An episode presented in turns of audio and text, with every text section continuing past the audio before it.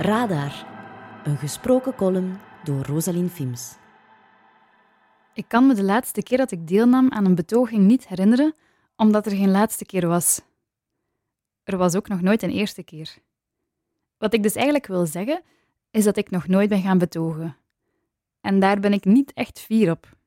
Er waren de voorbije jaren betogingen genoeg waaraan ik had kunnen deelnemen.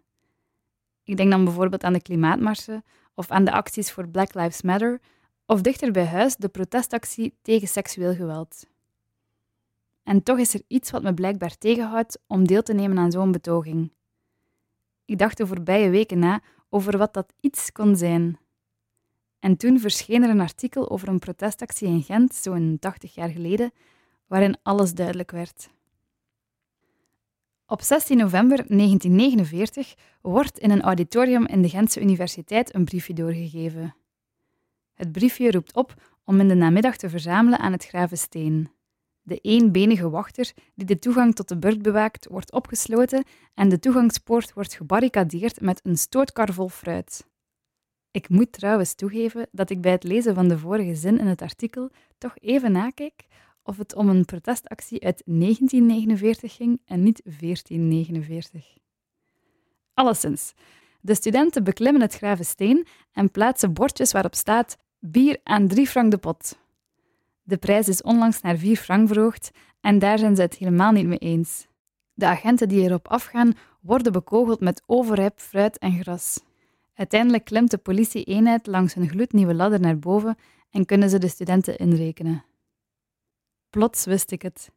Dit was zo helder en zo eenvoudig. Naar zo'n protestactie moest ik ook op zoek.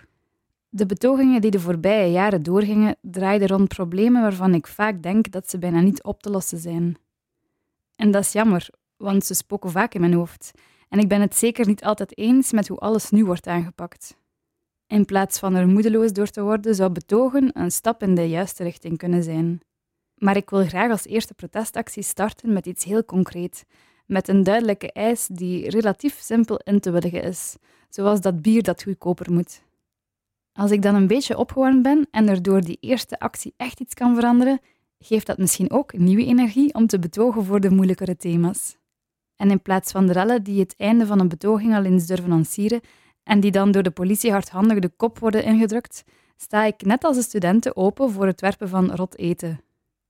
Wat voor een leven zou dit leven niet zijn als ik nooit eens een tomaat in iemand zijn gezicht kan gooien?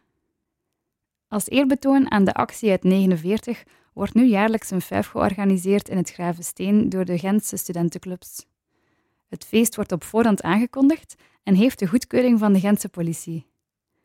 Maar zou het niet beter passen als er op voorhand geen datum werd afgesproken en als er weer een gebouw wordt bestormd door de studenten en als ze eieren meenemen om te gooien naar iedereen die hen zou tegenhouden?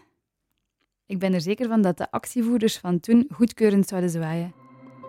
En ondertussen zoek ik verder naar een geschikte eerste betoging.